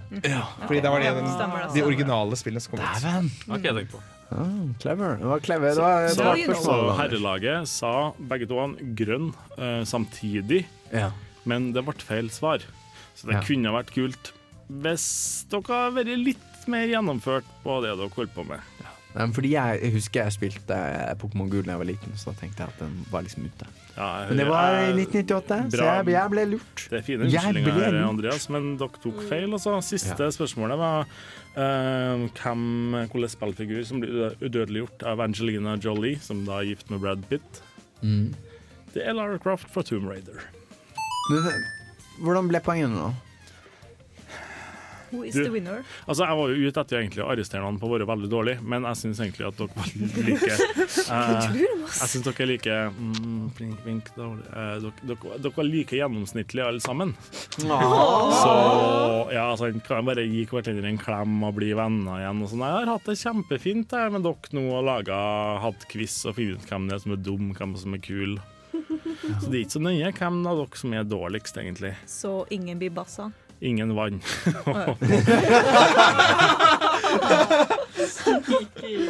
Vi skal, vi skal Etter hvert nå så skal vi, skal vi runde av uh, sendinga. Eh, før den tid tenkte jeg at vi skulle høre ei låt fra Shovel Night. Eh, Torben har leita fram enda en eh, Jake Coffman-låt. Hvis du har hørt Nerdeprat før, så vet du at eh, Jake Coffman og Torben er mer eller mindre samme person. Nei, de er ikke det. Her får du In the Halls of the Usurper.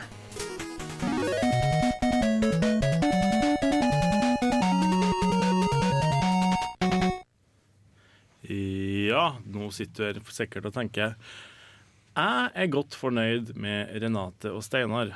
tenk, hvis du tenker det, kjære lytter, så blir du ikke skuffa, for dere har tenkt å bli med videre, sant? Har du noe valg? Ja, da tror jeg at jeg blir med videre. Nei, dere har ikke noe valg. ja, eh, de skal i hvert fall eh, være med oss i ja, Ja, for dette er egentlig en del av samfunnstjenesten deres som er med på studentradioen. Så Mm. de, de må møte opp. Mm. samfunnet. Ah, det var faktisk eh, no pun intended. No. Men hvis det du- en bra vits hvis jeg hadde prøvd å gjøre den vitsen. Det som kommer til å skje nå, er jo at om eh, seks eh, dager, 22 timer og 10 minutter, så kommer vi til å komme tilbake igjen med en ny episode av Nerdeprat. Men hvis du har lyst til å finne på noe å gjøre i løpet av de neste seks dagene, 22 timene og 9 minuttene Å, det har gått et minutt. Sånn- det gikk akkurat over der. Ta, ta for oppklaringen. Jeg ble litt sånn forvirret. For Var det ikke ti minutter i sted? Jeg følte at jeg ble litt for dyp for det her, Andreas. Jeg måtte. Hva kan man gjøre da? Er det noen som har noen forslag til hva man kan fylle de neste seks dager? Ja, hva kan man Ja. fylle dem med? Var det, var det, var det Det, var, Det- det det var et retorisk spørsmål, for ja. faktisk på, på fredagen nå fra klokka ni og utover så er det turnering eh, på, på Studentersamfunnet i Trondheim. Mm. Der er det en turnering i Super Smash Brothers Melee og Heartstone. Yeah. Eh, Det er visst sånn at du må, du må eh, melde deg på for å kunne være med. Men hvis du går inn på samfunnet.no, så, får du- så får du informasjon der sånn. Du kan sikkert eh, gå inn på Samfunnet på, på Facebook og se der òg. Og vi kommer til å legge ut ei lenke til turneringa på um, hva det heter Beskrivelsen. noe? Beskrivelsen. Beskrivelsen av episoden, dagens episode. Tenker noen av dere være med på noen av turneringene? Uh, skulle jo gjerne, men jeg skal på work på work-work, så nei. Wow. Blir det work, work, work? Work. Work, work, work. Jo. Ja, det blir Work, yes. work, work. Ready to work. Jeg kan vi ikke lage litt mer work-vitser nå, for jeg, jeg fikk ikke hei, Jeg skjønte ikke Syns du ikke at vi, vi fikk det ikke til å fu- eh, We didn't make it work? We couldn't make it work? Yeah, it didn't work. Didn't work. The work, work, work didn't work. Poenget mitt er We have to work to make the work, work, work, work. Men uh, Steinar eller Andreas eller Torben eller Åse eller Anders, tenker dere å være med på noen av turneringene? Svaret er nei. Jeg, jeg, nei. Nei. Jeg tror ikke jeg har tid, men Heartstone hadde vært litt fun. da egentlig. Ja, sant. Det tenker jeg, jeg, jeg vurderer om jeg skal være med, men jeg vet ikke om det er noe vits i at jeg er med, for jeg er ikke noe flink. Men det er det sikkert ingen av dere som er heller, så bli med, så kanskje det er større at jeg vinner. Var ikke det en god Det var en god plan. Ja. Melee er morsomt å spille også, da. Så ja, det det høres gøy ut. Jeg skal Men jeg vet ikke om jeg har tid, altså. Jeg må jeg har et rom å innrede og sånn. Ja, for du har jo flytta. Ja. Og Chris må- også, som ikke er her i dag. Og det er Man må ta pauser av og Men, til. men, men Ja. du og Chris flytta samtidig, var det sånn? Ja. Men du er i sending, mens Chris er ikke med i sending. Betyr det at du er mer effektiv enn Chris? Nei, det betyr bare at jeg utsetter skolearbeid litt mer. OK, for jeg skulle, ok, ja, greit. Jeg hadde en sånn uh, I deres, eh, deres uh, forhold som roommates, hvem er det som er Sonic, og hvem er det som er Knuckles? Og det er tydeligvis at du er kjappere enn Sonic her. Nei, nei, at du som er den kjappe. Så derfor er du Sonic. Got to go fast! Ja, der har vi det. Jeg føler meg så tom jeg nå. Alt, alt er konkludert, alt er sagt. Ja. Det fins ikke noe mer. Nei, men jeg hadde egentlig håpa at de to nye her nå bare skulle ta helt over og bare sitte og evaluere hva de synes var fint med å være med på nerdeprat og sånn. Eh, nei, det er jo ikke en artig gjeng, og jeg digger å diskutere spill og spillteorier og all den faenskapen vi har snakket om med Det var også retorisk. Det var ikke sånn at jeg håpa at du Ah. skulle oh, gotcha. Du, Ah, vi er ikke så jeg gode på retoriske spørsmål i nerdeprat. Ja, Vi vi er ikke så vant til retoriske spørsmål. Altså. Er vi vel? Nei, det er vi ikke. Det er bra du sier det. Mm. Men Nei da. Uh, men, men det er jo sånn at, uh, at um, eh, Vi kommer til å legge ut denne episoden som en podkast. De fleste av dere som lytter bare her, hører mest sannsynlig på podkast til å begynne med. Mm. Hvis du hører podkasten, ikke direkte på radio, og lurer på hva slags musikk er det egentlig de spiller mellom her som jeg ikke får til å høre, Mm. så kan du gå inn på radiorevolt.no og få en liste over alle låtene du hører vi har spilt. Ja, hvis du finner, går inn på Nerdeprat, og så finner episoden, og der har du lista. I tillegg, hvis du hører på podkasten, særlig på iTunes, så kan du legge igjen en review. Oh, ja! Legge igjen stjerner, og kanskje, noe, kanskje du kan skrive noe med den. Hvis du skriver noe om det, så skal jeg lese det opp på neste sending.